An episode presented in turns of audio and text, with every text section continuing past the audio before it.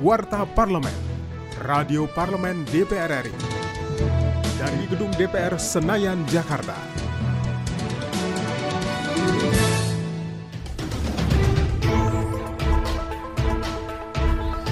Terkait mundurnya jadwal produksi proyek pengembangan gas lapangan unitisasi Jambaran, Tiung Biru atau JTB, Komisi 7 DPR RI meminta penjelasan PT Pertamina EP untuk mengatasi permasalahan yang ada. Hal tersebut sampaikan oleh Ketua Komisi 7 DPR RI Sugeng Suparwoto dalam kunjungan ke proyek JTB Jawa Timur. Ia menyampaikan salah satu kendala proyek JTB yang dikelola oleh PT Pertamina EP Cepu adalah dukungan pembangunan infrastruktur, seperti jaringan gas untuk mengalirkan gas setelah produksi.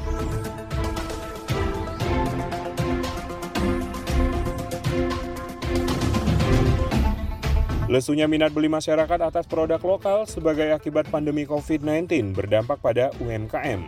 Untuk itu, Badan Kerjasama Antar Parlemen atau BKSAP DPR RI berusaha untuk meningkatkan nilai beli produk UMKM hingga level internasional. Usai BKSAP Day di kantor Provinsi Jawa Tengah, Wakil Ketua BKSAP DPR RI Ahmad Hafiz Tohir menjelaskan pandemi COVID-19 menekan dua sisi sektor UMKM, yakni produksi dan konsumsi.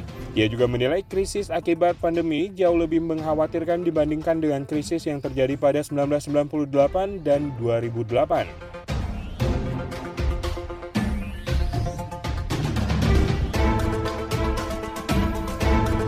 Dan merapat dengar pendapat dengan Deputi Bidang Ekonomi Digital dan Produk Kreatif Kemenpar Ekrab.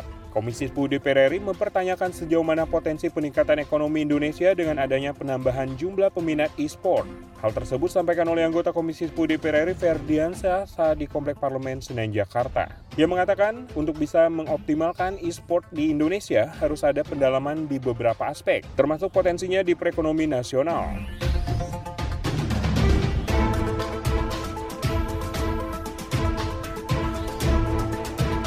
Demikian Warta Parlemen, Produksi TV dan Radio Parlemen, Biro Pemberitaan Parlemen, Sekretariat Jenderal DPR RI. Saya Idu Da Vinci.